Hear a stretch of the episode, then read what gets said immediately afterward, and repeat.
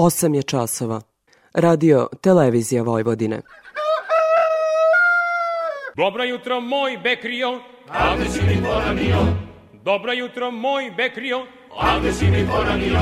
Ta kako ne bi poranio kad upravo počinje emisija Radio Novog Sada. Poljoprivredno dobro. Radio magazin za poljoprivredu i selo. Pred mikrofonom je Đorđe Simović.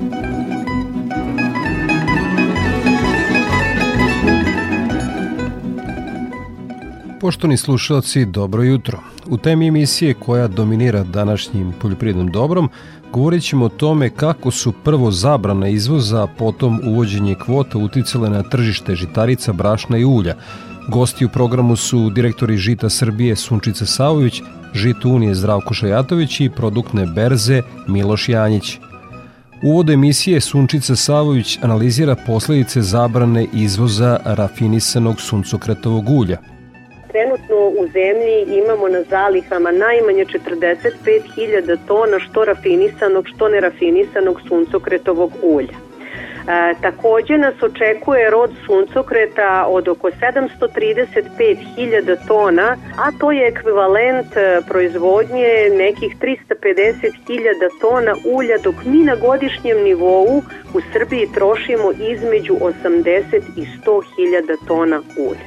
Apsolutno nejasno šta tačno stoji iza uh, ovaj, ovakve odluke vlade imajući u vidu uh, da zalihe kojima raspolažemo uh, su zaista na zavidnom nivou, da naša potrošnja uh, na godišnjem nivou uh, dakle je daleko ispod onoga što će vrlo brzo biti proizvedeno uh, i moramo takođe napomenuti i ove visoke temperature i situaciju u uljarama čiji su kapaciteti za skladištenje popunjeni od 85 do 100 odsto. Dakle, nemaju gde da drže robu i još jedna vrlo, vrlo bitna stvar, dakle, sa stajanjem naravno da ulje gubi svoje karakteristike i pitanje je da li onog trenutka kada i ukoliko bude omogućen izvoz će takvo ulje sa takvim svojstvima biti prihvatljivo znači za kupce. Kao i svake godine pred žetvu pšenice počinju spekulacije oko otkupne cene. Udruženja iz Južnog Banata, Pančevački ratari, Agrarni forum i Građanska neposlušnost smatraju da otkupna cena pšenice ovogodišnjeg roda mora biti najmanje 50 dinara za kilogram jer su znatno poskupili troškovi proizvodnje. Takođe zahtevaju da se ukinu sva ograničenja izvoza, da robne rezerve otkupe desetinu ovogodišnjeg roda, a da subvencije po hektaru budu 200 evra.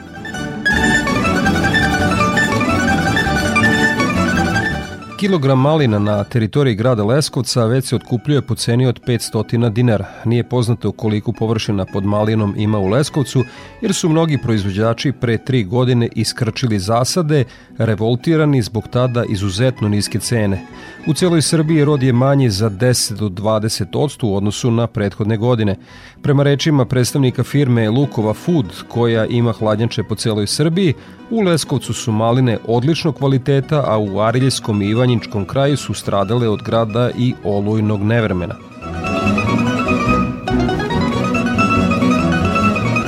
Za nekoliko dana počinje berba višanje u Prokupačkom kraju, a najavljena otkupna cena, zavisno od kvaliteta, biđe između 50 i 70 dinara po kilogramu, govore proizvođači iz tog kraja. Zahvaljujući kišama u pravom trenutku, rod višanja je sasvim zadovoljavajući i u plodu ima dovoljno suve materije i šećera. Ponuđenom otkupnom cenom proizvođači su za sada zadovoljni, ali se plaše da bi ona mogla da bude snižena tokom berbe, kako je to bivalo i ranijih godina. Oblačinska višnja je na teritoriji Prokuplja zasađena na oko 2000 hektara, a godišnje se ubere do 2500 vagona tog voća.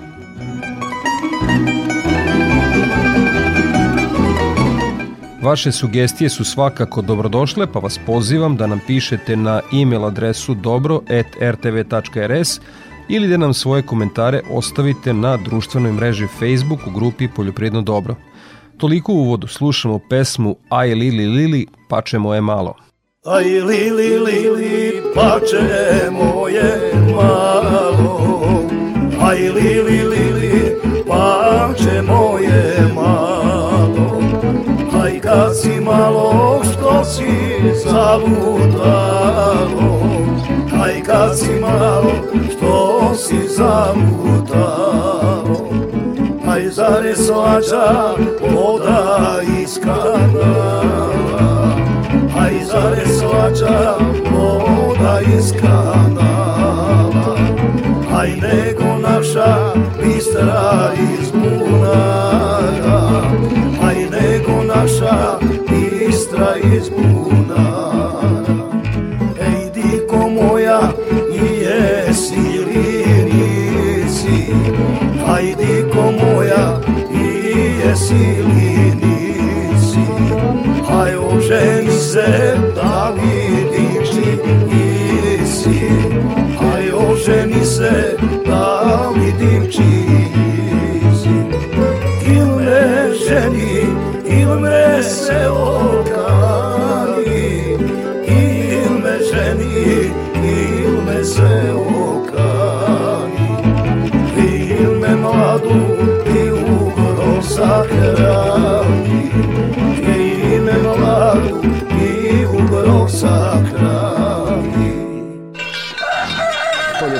Poljoprivredno dobro.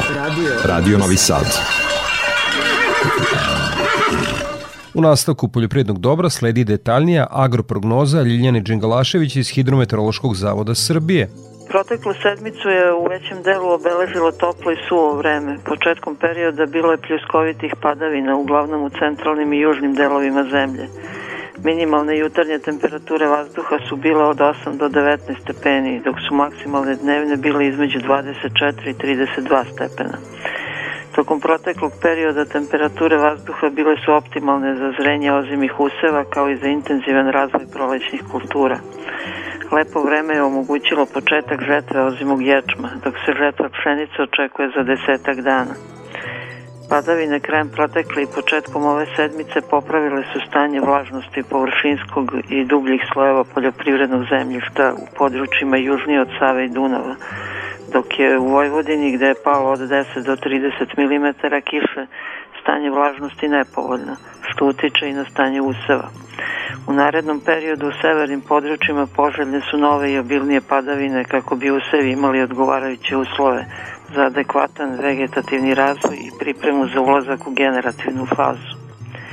Procenat padavina u poslednjih 30 dana u odnosu na prosek je neujednačen. Tako je na severoistoku od 50 do 75 procenata, na zapadu u centralnim područjima i na jugoistoku od 150 do 300 procenata, a u ostalim područjima je oko 125 procenata.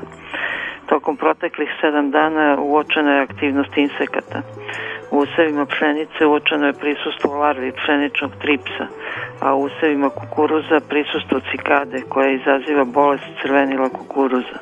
U pogledu voćarskih kultura trenutni uslovi u proizvodnji praćeni visokim temperaturama pogoduju razvoju grinja na jabučastom voću. U toku je piljenje larvi prve generacije jabukinog i breskvinog smotavca i druge generacije šljivinog smotavca. Česte padavine, visoka relativna vlažnost vazduha i optimalne temperature povoljno su uticale na razvoj bolesti. U usevima pšenice i ječma registrovano je prisustvo simptoma fuzarioze. U usevima šećerne repe na osetljivijim sortama uočene su pege od prouzrokovača pegavosti lista šećerne repe. U usevima krompira vladali su povoljni uslovi za razvoj plamenjača krompira i crne pegavosti krompira. Prema prognozi do ponedeljka se očekuje sunčano i toplo vreme.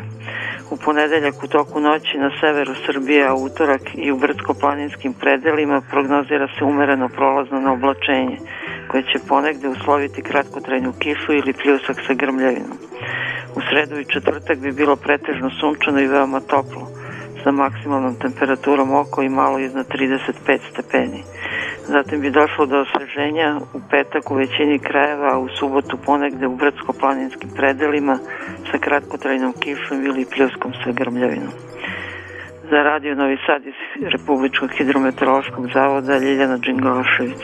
O aktualnoj zaštiti vinograda će nas obavestiti Milena Marčić iz prognozno izveštene službe. U nedelji koja je pred nama iz oblasti zaštite bilja izdvajamo informaciju o suzbijanju cikade Scaphoideus titanus u vinogradima. Ova cikada prenosi fitoplazmu flavescens dore koja na vinovoj lozi prouzrukuje oboljenje zlatasto žutilo vinove loze. To je jedno veoma destruktivno oboljenje koje predstavlja veliku opasnost po proizvodnju grožđa ne samo kod nas nego i u čitavoj Evropi. Koliko je ovo opasno oboljenje govori i činjenica da se i fitoplazma i cikada koja prenosi nalaze na karantinskoj listi štetnih organizama u našoj zemlji. Vrlo je važno da kažemo da za zaštitu vinove loze od zlatastog žutila ne postoje direktne hemijske mere suzbijanja. Jedine mere i osnovne mere su suzbijanje vektora, znači suzbijanje cikade, što je upravo sada pravi moment, i uništavanje zaraženih čokota. Sada ovom prilikom želimo da apelujemo ne samo na proizvođače, velike proizvođače grožđa na velikim površinama, nego i na one manje proizvođače, hobi proizvođače, koji imaju i svega nekoliko čokota, da li na vikendicama, okućnicama, zato što su to upravo mesta na kojima se održava i fitoplazma, ali i cikada i odakle se one dalje šire u proizvodnim uslovima. Desi se recimo da jedan, dva čokota propadnu, ne obrati se neka velika pažnja, da se zapravo radi o jednom izuzetno važnom oboljenju. Simptomi ovog oboljenja se mogu videti e, i na lastarima, ali su najupečetljivije promene na listovima. Listovi se savijaju po obodu prema naličju, kod belih sorti listovi dobijaju zlatno-žutu boju, a kod crnih tamno ljubičastu i crvenu boju. Grozdovi su rehuljavi, smežurani i lošije kvaliteta. Nakon dve do tri godine dolazi do potpunog propadanja čokota. Ono što usložnjava čitavu problematiku jeste da se na samom početku vegetacije ti simptomi e, ne mogu videti tako lako ukoliko je u prethodnoj godini došlo do zaražavanja čokota. Najjasnije se simptomi uočavaju tokom avgusta meseca kada i treba da se vrše pregledi i uklanjaju i uništavaju oboleli čokoti. Znači sada je pravo vreme da se e, suzbije cikada, za 10 dana da se po, e, ponovi tretman, jer ovo je jedini put da sprečimo velike zaraze i da očuvamo proizvodnju e, grožđa, a samim tim i vina u našoj zemlji. Iz prognoza izveštene službe za zaštitu bilja Milena Marčić. Poljoprivredno dobro. Radio Novi Sad. O prometu žitarica na produktnoj berzi više Anja Jakšić. Prvi ugovori za ječam novog roda, rast cene kukuruza, pad cene pšenice i stabilan cenovni nivo soje dešavanja su koje su obeležila nedelju za nama na robno-berzanskom tržištu. Ove nedelje aktivnost je bila veća na tržištu kukuruza koji beleži apsolutni primat u trgovanju. Na tržištu kukuruza beleži se uzlazni cenovni trend. Najviše se nudio kukuruz sa gratis lagerom tokom jula. Ovom žitaricom trgovalo se u cenovnom rastu rasponu od 29 dinara 30 para do 31 dinar 30 para po kilogramu bez PDV-a u zavisnosti od vremena preuzimanja i gratis lagera. Krajem nedelje tražnja kukuruza bila je na višem cenovnom nivou od realizovanih. Ponder cena za ovu nedelju iznosi 31 dinar po kilogramu bez PDV-a, što je rast od 3,29%. Na berzi u Čikagu cena kukuruza takođe beleži rast cene usled suvog i toplog vremena u kukuruznom pojasu. Izrazito mirna nedelja na tržištu pšenice. Ova žitarica nastavlja silazni cenovni trend i tokom ove nedelje. Ovakvo cenovno kretanje zabeleženo je usled smanjene aktivnosti na tržištu kako na strani tražnje, tako i na strani ponude. Početkom nedelje ponuda je bila nešto veća da bi, kako je nedelja odmicala, ponuda bivala sve manja. Usled primetno male tražnje, ove nedelje je prometovano svega 50 tona ove žitarice po ceni od 39 dinara po kilogramu bez PDV-a. U odnosu na prethodnu nedelju cena je niža za 0,38%. Krajem nedelje aktivnost na ovom tržištu je u potpunosti izostala. U odnosu na prethodnu nedelju cena soje nije zabeležila veće promene. Početkom nedelje ovom uljaricom se trgovalo po ceni od 72 dinara 50 para po kilogramu bez PDV-a uz obračun kvaliteta. U nastavku nedelje ponude na višem cenovnom nivou nisu naišle na odgovor tražnje. Tek krajem nedelje berzanski ugovor je zaključen na blago višem cenovnom nivou u odnosu na početak nedelje na 72 dinara 70 para po kilogramu bez PDV-a uz obračun kvaliteta. Cele nedelje interesovanje kupaca bilo je izrazito malo. Ponder cena za ovu nedelju iznosi 72 dinara 63 para po kilogramu, što je rast od 0,18%. Žetva ječma dovela je do veće dinamike na ovom tržištu. Tražnja novog roda bila je povećana tokom cele nedelje i kretala se na različitim cenovnim nivoima u zavisnosti od parametara kvaliteta. Berzanski ugovori zaključeni su u cenovnom rasponu od 32 dinara do 32 dinara 25 para po kilogramu za ječam sa nižim parametrima kvaliteta, dok se ječam sa hektolitrom 62 kg trgovao po ceni od 34 dinara po kilogramu bez PDV-a. Iako je žetva u toku, ponude ove žitarice su male. Suncokratovom sačmom trgovalo se po ceni od 36 dinara po kilogramu bez PDV-a. Sa produktne berze Anja Jakšić. Nakon izveštaja sa produktne berze, Gordana Jeličić iz Infotim Logistike obavestit će nas o trendovima na tržištu stoke. Sve cene su bez uračunatog poreza na dodatu vrednost. U toku ove nedelje naši saradnici su tovne svinje sa farme oglašavali po ceni od 210 do 220 dinara po kilogramu, tovljenike sa mini farme po ceni od 200 do 204 dinara po kilogramu, a tovljenike iz otkupa po ceni od 190 do 195 dinara po kilogramu. Kako se i najavljivalo, tako su i klaničari dali prostora da se pregovori za tovne svinje sa farme pregovaraju u rasponu cena 215 do 220 dinara po kilogramu.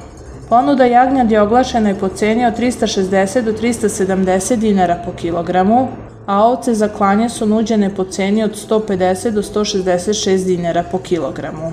Na terenu se beleži slabije interesovanje oko ove kategorije stoke, pa i ponuđači pokušavaju sa nižim oglašenim cenama. U toku nedelje prasaca farme su se oglašavala po ceni od 320 do 350 dinara po kilogramu, prasaca mini farme po ceni od 324 do 330 dinara po kilogramu, a prasad iz otkupa po ceni od 270 do 324 dinara po kilogramu. Koliko možemo da primetimo na terenu, slabo interesovanje za prasadima svih kategorija. Ponude bikova Holstein oglašena je po ceni od 295 do 315 dinara po kilogramu, a bikova simentalaca po ceni od 330 do 340 dinara po kilogramu. Na terenu, pregovori za bikove simentalce su se završavali na nivou ponuđenih cena. Cene su izražene bez PDV-a. Za Radio Novi Sad, Gordana Jeličić iz Info Team Logistike. Slušamo Marinka Rokvić je pesmu Polomio vetar grane, pa u temi emisije govorimo o tome kako su prvo zabrana izvoza, a potom uvođenje kvota uticale na tržište žitarica, brašna i ulja.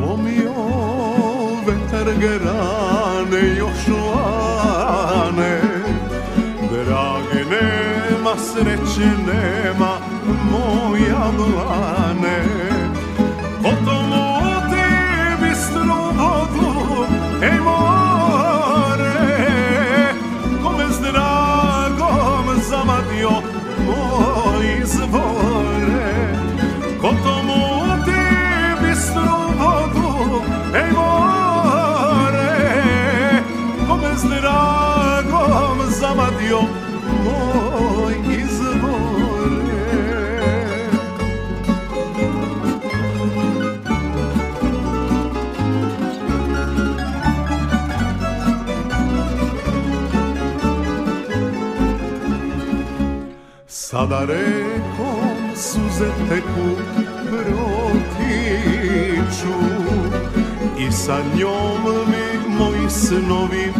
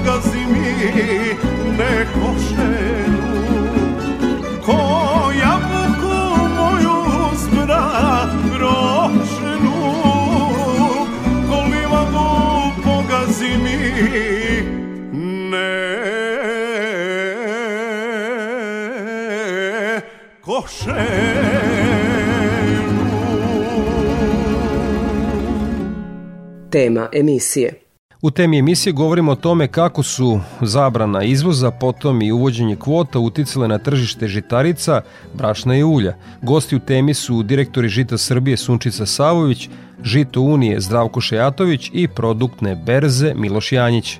Na početku teme govori direktorka Žita Srbije Sunčica Savović. Vi ste direktor poslovnog udruženja Žita Srbije. Udruženje postoji od 2009. a nasledilo je dugu tradiciju Jugoslovenskog fonda za žita koji je od 1978. godine postao kao udruženje proizvođača i izvoznika žitarica.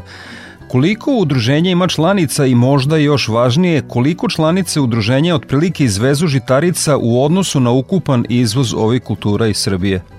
Udruženje Žita Srbije je udruženje sa tradicijom dugom 44 godine. Udruženje trenutno ima 59 kompanija članica, među kojima se nalaze proizvođači i asocijacije proizvođača izvoznika uljarica i žitarica, kompanije koje se bave skladištenjem i propratnim uslugama, kontrolom kvaliteta, zaštitom useva i robe, transportom rasute robe i lučki operateri. Članice Udruženja Žita Srbije organizuju proizvodnju na skoro milion hektara i posjeduju silosne i skladišne kapacitete za skladištenje e, preko 3 miliona tona žitarica i uljarica. U proseku na godišnjem nivou e, u protekle tri godine članice Udruženja Žita Srbije izvezle su 3 miliona tona žitarica i uljarica zajedno, a udeo članica udruženja Žita Srbije u ukupnom izvozu e, žitarica i uljarica iz Srbije u periodu u poslednjih 10 godina je porastao od 72 e, do 95% što se tiče kukuruza, pšenice i uljarice. Odgovor je u potpunosti potvrdio već znanu referentnost vašu i udruženja za kvalitetan i argumentovan nastavak razgovora. Država je u martu zabranila, a potom i uvela kvote za izvoz žitarica, brašna i ulja. Recite nam tri meseca kasnije kakve su posledice takve odluke? Posledice su e, zaista velike i e, ni najmanje nisu pozitivne. Možemo da pričamo samo o negativnim posledicama. E, znači, e, na e, samom početku trenutak je bio vrlo nepovoljan za sve u lancu, od proizvođača do zadruga, prerađivača, tu mislim na mlinare i na uljare, pa na samom posledku do izvoznika koji nisu mogli da se bave svojom osnovnom delatnošću. Dakle, u aprilu su poljoprivredni proizvođači koji su bili uskraćeni za šansu da zarade na svojoj robi bili prinuđeni da po tržišnim cenama kupuju, kupuju sve komponente za prolećnu setvu bez ikakve, tako, finansi, bez ikakvog finansijskog priliva. Što se tiče domaćih trgovaca, oni su prosto ostali zarobljeni ugovornim obavezama koje nisu mogli ispuniti ni prema dobavljačima, odnosno proizvođačima, ni prema svojim kupcima, Na samom početku mlinari su takođe bili do 15. maja u nezavidnoj situaciji dok izvoz brašna nije u potpunosti e, oslobođen, a izvoznici su sve vreme u najgorem položaju jer e, su e, prosto svedoci toga bez mogućnosti da izađu iz takve situacije, da ostaju bez svojih dugogodišnjih poslovnih partnera, mi kao država ostajemo bez svojih tradicionalnih kupaca jer smo zbog neizvesnosti iz meseca u mesec ne znajući ni kolika kvota će biti na snazi ni da li će uopšte da je bude jer garancije ne postoje nikakve postali tržište rizika. I sada, koliko je u tom periodu izvezeno, a koliko je moglo biti izvezeno žitarice i ulja? Mi imamo znači ove, tačne podatke od uprave carina e, za svaki mesec koliko je kukuruza i pšenice izašlo iz zemlje.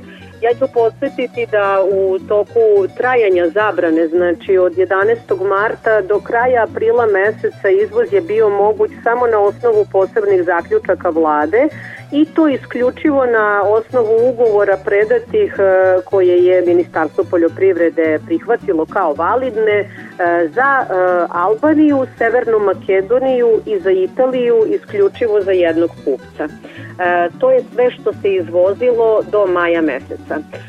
U maju mesecu na snagu je, dakle, van snage je stavljena odluka o zabrani i na snagu je stupila odluka o privremenom ograničenju izvoza, kojom je prvobitno planirana kvota za izvoz 150.000 tona pšenice i 150.000 tona kukuruza. Kako su zahtevi za, pše, za izvoz pšenice bili veći, a prema bilansima kojima raspolažemo zaista i zalihe dostupne za izvoz velike, država je povećala majsku kvotu za pšenicu na 220.000 tona, dok je kvota za kukuruz ostala nažalost na 150.000 tona. I inače, u, u, kada su okolnosti redovne i e, normalne, e, trgovina pšenicom e, u maju mesecu je izuzetno slaba. Dakle, pšenicom starog roda u maju se slabo trguje, svi se pripremaju za novu žetvu i kao što svi znaju, pšenica i kukuruz su berzonske robe kojima se inače terminski trguje. E, to apsolutno nije moguće e, sa ovim kvotama za koje se aplicira iz meseca u mesec. Tokom aprila meseca, dok je na snazi bila zabrana izvoza, iz e, Srbije je izvezeno samo 12.870 tona kukuruza i e, izvezeno je 33.981 tona pšenice. U maju mesecu, kada je na snazi bila kvota za izvoz, izvezeno je 166.517 tona kukuruza. Kompletna kvota za e, izvoz je ispunjena, ova razlika su, je izvoz po posebnim zaključcima vlade koji je još uvek na snazi. Dakle, još uvek se prema e, posebnim zaključcima vlade izvozi za Albaniju, Makedoniju i Italiju prema prethodno zaključenim i odobrenim ugovorima. Što se tiče pšenice, e, u e, aprilu mesecu sam rekla, u maju mesecu 158.017 tona pšenice je izašlo. Problemi sa logistikom su izuzetno veliki, problemi koje imamo u železničkom transportu rasute robe nisu ništa novo i dalje je nedovoljan broj vagona za prevoz rasute robe nedostupan, nedovoljan broj manevarki, a što se tiče Dunava i kapaciteta logistički koji su dostupni za srpsku robu, oni su za jun i jul mesec prema procenama naših izvoznika na nivou od maksimalno 150.000 tona. U ovoj situaciji kakva jeste sa ograničenjima koja imamo, apsolutno je nemoguće raditi. Izvoznici i njihovi kupci nemaju nikakvu fleksibilnost, jer ne mogu da planiraju za duže od mesec dana, kao što sam rekla, e, mogućnosti logistike nas ograničavaju dodatno i nužno je e, kvote, ako li, ukoliko su već na ovom nivou na kom jesu i ne može ništa da se uradi, da se povećaju, treba ih spojiti na najmanje tri meseca kako bi mogla da se omogući da se, kako bi mogli da se omoguće neki optimalni uslovi našim izvoznicima da rade, a samim tim i da se omogući finansijski priliv na unutrašnje tržište koje je skoro u potpunosti nelikvidno jer je sav novac zarobljen u robama. Da preformulišem, e, trgovci e, žitom su izgubili dva ključna meseca. Tako je. Upravo tako. Ono što se sada radi je samo delimično pokrivanje posledica i održavanje dobrih odnosa sa svojim kupcima, znači poštovanje davno ovaj, ugovorenih obaveza, je tako? Sagovornica u programu Radio Novog Sada, Sunčica Savović, direktor poslovnog udruženja Žita Srbije. Evo za 15 dana će žetva pšenice, negde već počinje žetva ječma. Kako će e, ovi tržišni viškovi koji su u silosima se e, odraziti na celokupno tržište? Verujte da ovaj, je ovo situacija u kakvoj zaista nikada naše ovaj, tržište i žitarski sektor e, nije bio. E, mi ćemo ući definitivno u novu tržišnu godinu za pšenicu sa rekordnim zalihama e, koje će biti na nivou od najmanje 700.000 tona. Poslednji put smo 2019-2020 imali prelazne zalihe od 600.000 tona, ali tada nismo imali e, takođe e, na zalihama u vreme žetve pšenice e, preko 900.000 tona kukuruza. E, problem e, sa skladištenjem e, se bliži, veliki je, silosi su prenatrpani, roba će se može biti uskladištiti negde kao i svake godine, a kako će se uskladištiti to je zaista veliko pitanje. E, naravno, e, problem koji će se pojaviti u tako natrpanim silosima jeste i problem očuvanja kvaliteta. Dakle, nužno će se mešati e, pšenica starog i novog roda. O kvalitetu novog roda ne možemo još da govorimo, rano je, ali zasigurno znamo da očekujemo rod od najmanje 3 miliona tona. Prošle godine, podsjetiću, imali smo rekordan rod od 3 e, miliona i 400 hiljada tona, a ušli smo u uh, ovu tržišnu godinu koja se završava za pšenicu sa zalikama od 300 hiljada tona. Umeđu vremenu smo ukupno uspeli da izvezemo oko milion i 120 hiljada tona pšenice, uh, tu je uračunato i brašno preračunato na zrno, E, i e, mi jednostavno ovaj, e, zaista, kad kažem mi, mislim na sve učesnike žitarskog sektora, ne vidimo apsolutno ništa što bi u ovom trenutku moglo da se uradi da se situacija momentalno poboljša. Ali je nužno obezbediti optimalnije uslove za rad kako bi najzad priliv finansijskih sredstava na unutrašnje tržište bio moguć Takođe i zbog neizvesnosti u vezi sa julskom kvotom mi imamo vrlo specifičnu situaciju gde dve nedelje pred žetvu još uvek nije formirana ovaj, otkupna cena pšenice, tako da ovaj, zaista, e, zaista jedna nepovoljna situacija i, i jedna velika neizvesnost e, i veliki broj problema u najavi. Važno je da se u ovom razgovoru osvrnem šta se dešava sa tržištem ulja. Što se tiče tržišta uh, ulja, uh, dešava se, zapravo je situacija još gora trenutno nego što je na tržištu uh, pšenice i kukuruza. Dakle, u maju mesecu država je omogućila u okviru kvote od uh, 8,5 miliona litara izvoz rafinisanog flaširanog suncokretovog ulja.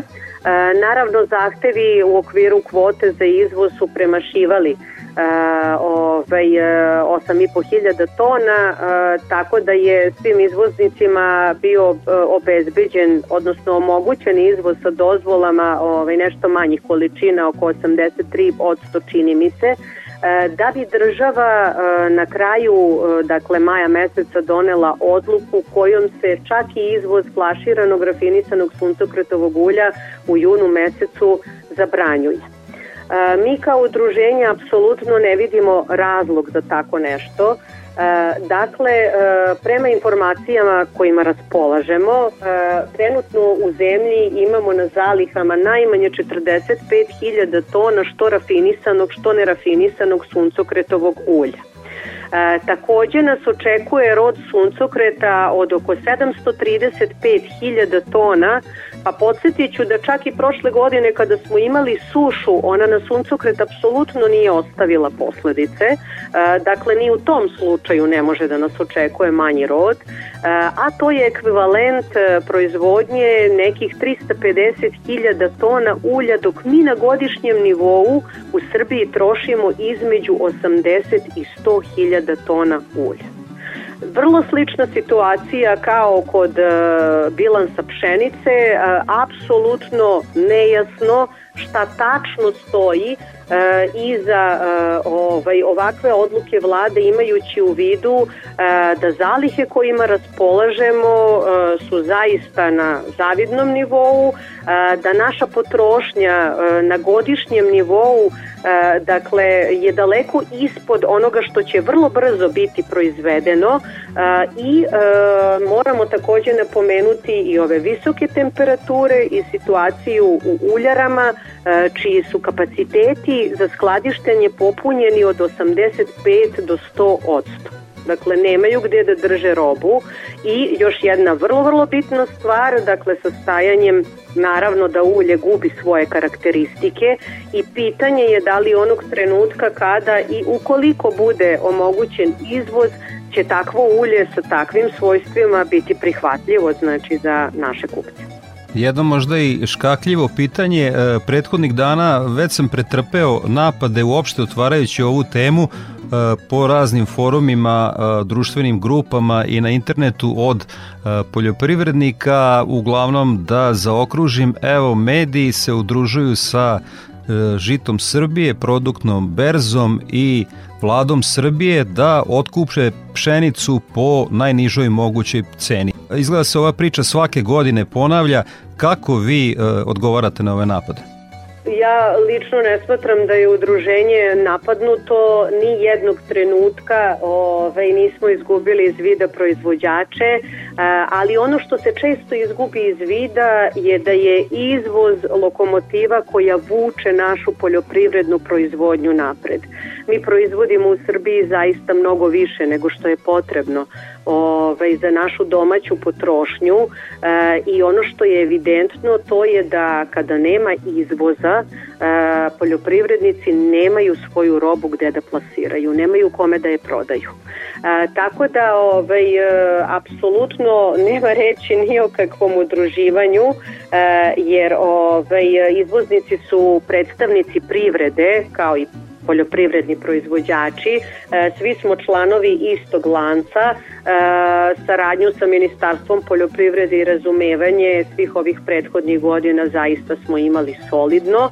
E, u ovom trenutku ne sme da se zaboravi kakva je geopolitička situacija u regionu i u svetu, bez obzira na to što se to nas, osim u ovom sektoru i možda još po nekom ne dotiče, ali evidentno je da ukoliko kvota bude ovako mala, apsolutno neće postojati interes izvoznika naših da pšenicu uopšte kupuju, tako da tu sa formiranjem cene izvoznici nemaju apsolutno nikakve veze.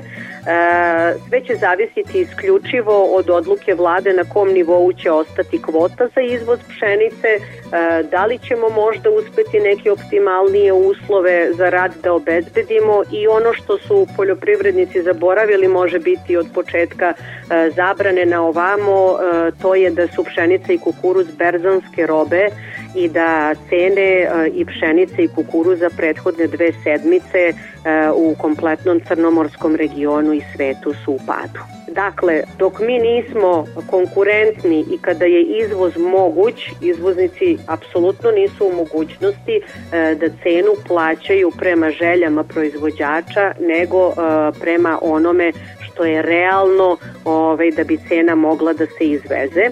A, mi se uvek poredimo, naša referentna cena je cena ovaj, u a, rumunskoj luci Konstanca, kažem kada su okolnosti redovne, jer ovde sada postoji još mnogo faktora nepoznatih, i faktora rizika koje jednostavno ne možemo da ukalkulišemo u cenu.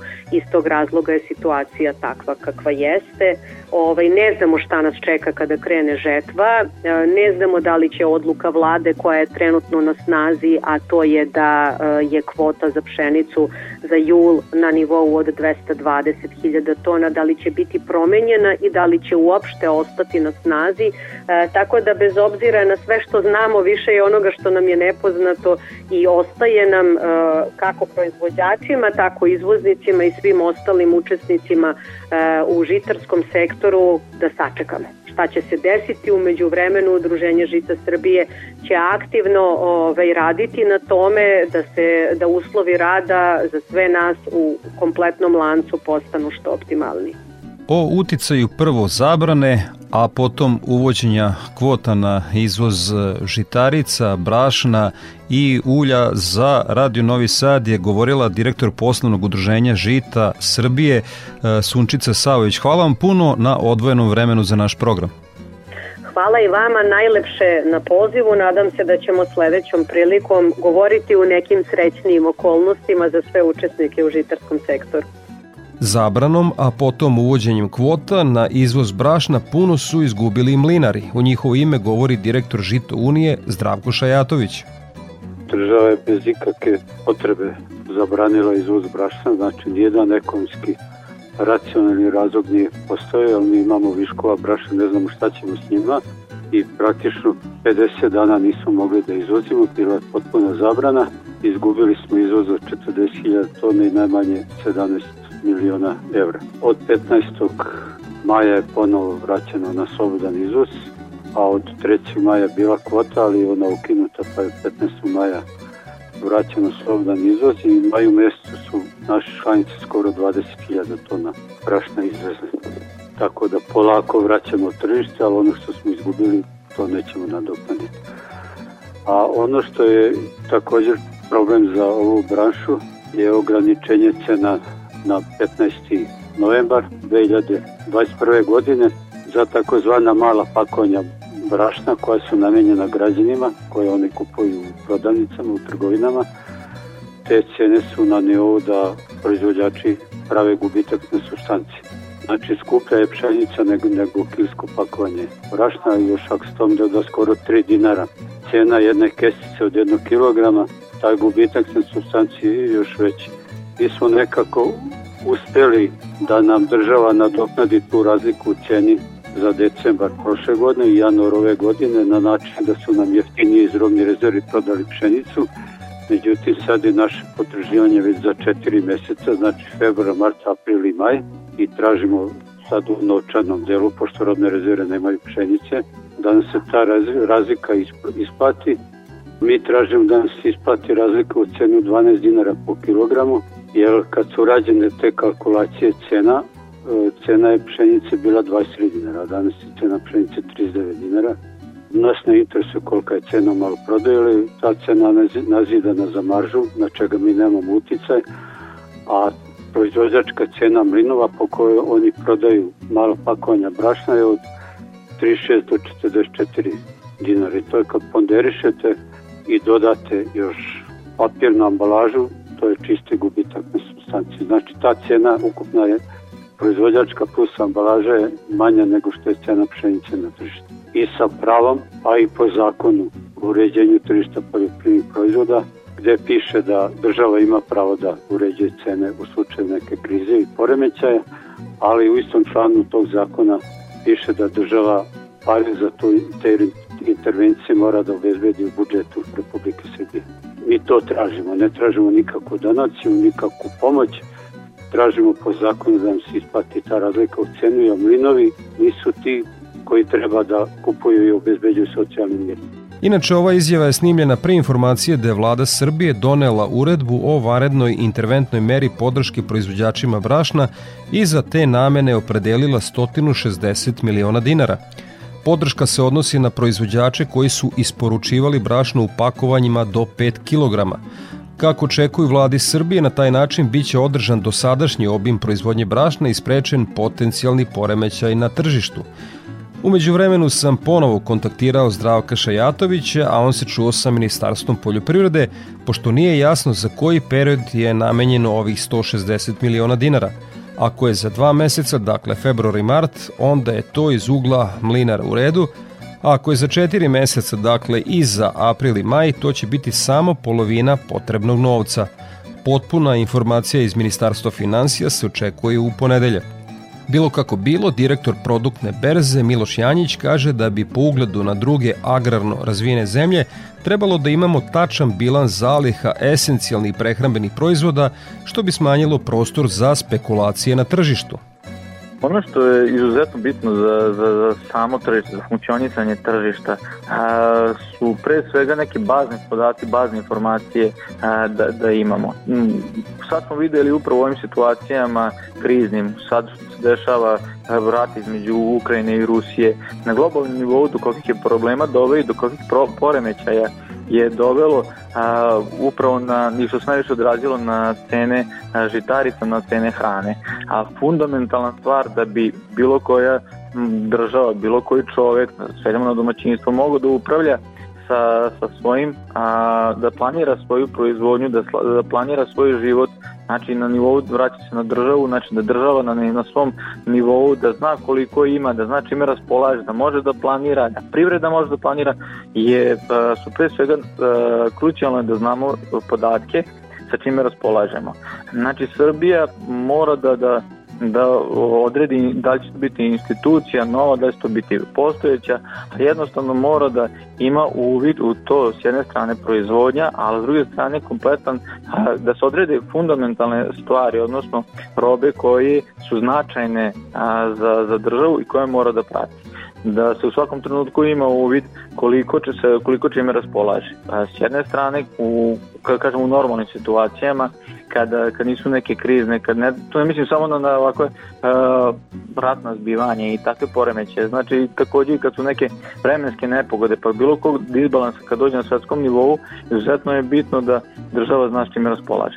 A s druge strane, kad god je, znači kad god su normalni uslovi, a normalne dešavanja, to su izuzetno bitni, bitne informacije za tržište, za tržišne učesnike. Znači, to je jedna od fundamentalnih stvari od čega se kreće da bi se, da bi se trgovalo i time, samim tim što imate e, kvalitetne informacije, smanje, smanjuje se, smanjuju se špekulacije, a smanjuju se, a, te kažemo, negativne špekulacije, gde se ljudi igraju informacijama, a i gde teško uopšte doći doneti pravu odluku za, za neki budući period i na kratki period, kamoli na neki duži. Sad zamislite da smo mi u ovom trenutku, kad je, kad je došlo do ove krize, imali tačan podatak, egzaktan, čime raspolažemo u roku od jednog dana može se donesi pravovremena odluka.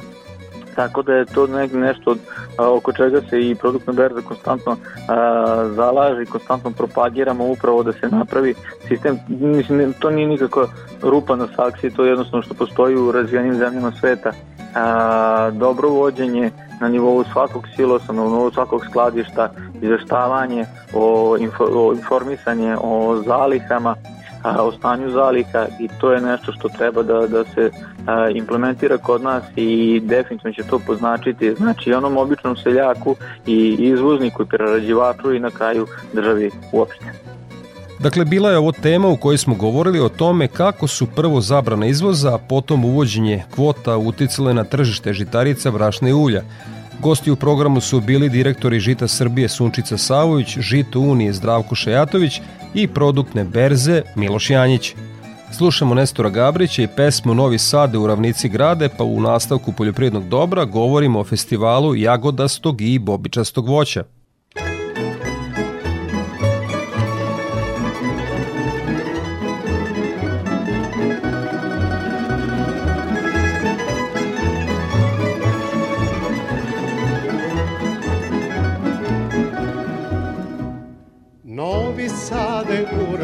Ravnici grade, tebe krase vojvođanke mlade. Novi Sade u ravnici grade, tebe krase vojvođanke mlade. Tebe krase vinogradi plavi i tvrđava na Dunavu bali. tebe krase vinogradi plavi i tvrđava na Dunavu pali.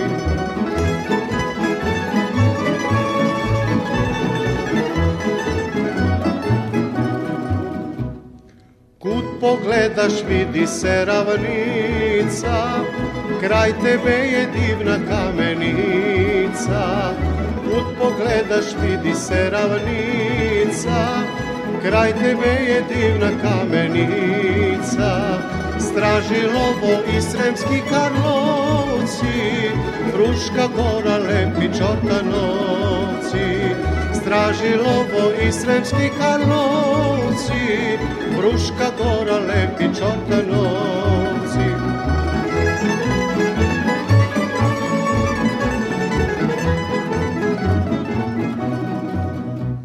Novi Sade lepli si u noći, nisam ne znam kud bih hteo poći. Novi Sade lepli si u noći, nisam ne znam kud bih hteo poći. Kud pogledam suda je milina, lepa li je naša Vojvodina. Kud pogledam suda je milina, lepa li je naša Vojvodina.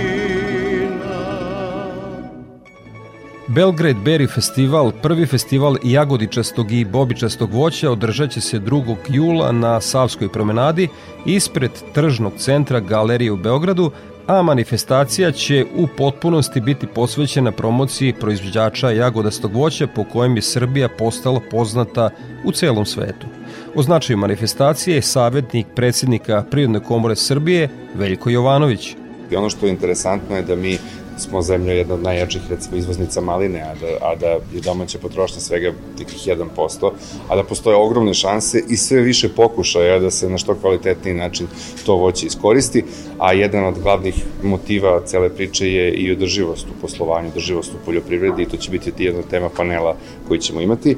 Svi koji se prijave u narednim danima za, za, za učešće na festivalu, žele da dobiju i žig čuvarkuća, imaće besplatnu prijavu za žig čuvarkuća i 30% popusta u prvoj godini korišćenja ovog znaka. Pa evo konkretno, pa pričamo o malini, recimo da su tu najprecizniji podaci da mi svake godine izvezemo negde oko, da mi baratamo nekoj proiz, nekom proizvodnjom od oko 100.000 tona i malterne tolikim izvozom i da je to jedan od sektora koji je najstabilniji kada je reč o voćarstvu i jedan od sektora gde smo mi uvek među prva tri izvoznika u svetu, gde negde se takmičimo sa zemljama koje su glavne u tome, poput Poljske, poput Meksike, Čilea. E, sigurno da takav sektor može da bude i uzor i drugima u voćarstvu i zato je i ideja da se i kroz ovakve manifestacije govori o tome. Mi smo najveći izvoznici smrznutog voća. Moram da kažem da smrznuto voće kada dođe da, na primjer, u, u rafove u pakovanju 250 grama, reči praktično gotovom proizvodu. On je prešao neku preradu i to vrlo ozbiljnu preradu, treba ogromne investicije kod tih prerađivača, to su jako ozbiljni pogoni i, e, i tu je reč o proizvodu više neke dodatne vrednosti. Naravno, ljudi kada pričaju o preradi najčešće misle na džemove, na neke sokove, na stvari tog tipa i to se sve više razvija i traži svoje tržište, ali jedan od izazova u narodnom periodu je svakako branding i mislim da je jedan od načina da se, da se taj branding stavi u prvi plan i festival poput ovoga. A proizvode od maline na festivalu će predstaviti i Jovana Marković.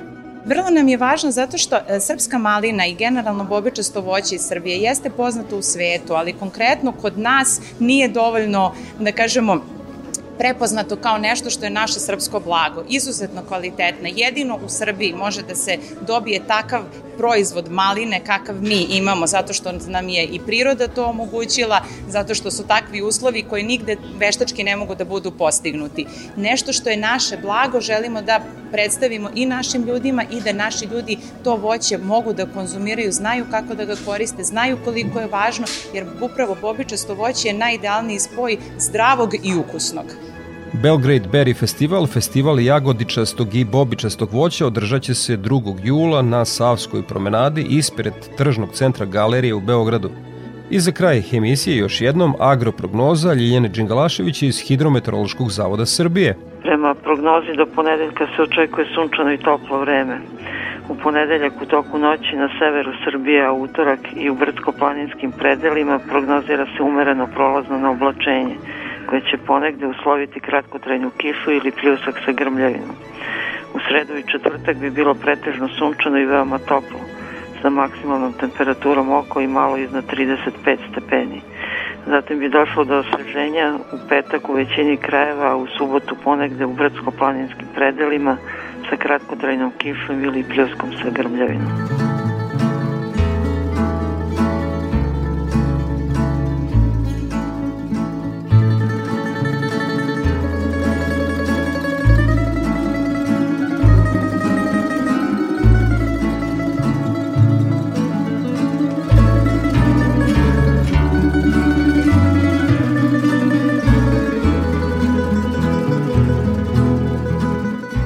Toliko poštovni slušaoci u ovom izdanju Poljoprivrednog dobra radio magazina za poljoprivredu i selo javne medijske ustanove Vojvodine. Ja sam Đorđe Simović i pozivam vas da ostanete uz Radio Novi Sad. Vašoj pažnji preporučujem ekološki magazin pod staklenim zvonom koji je na programu na Konvestiju 9. Svako dobro.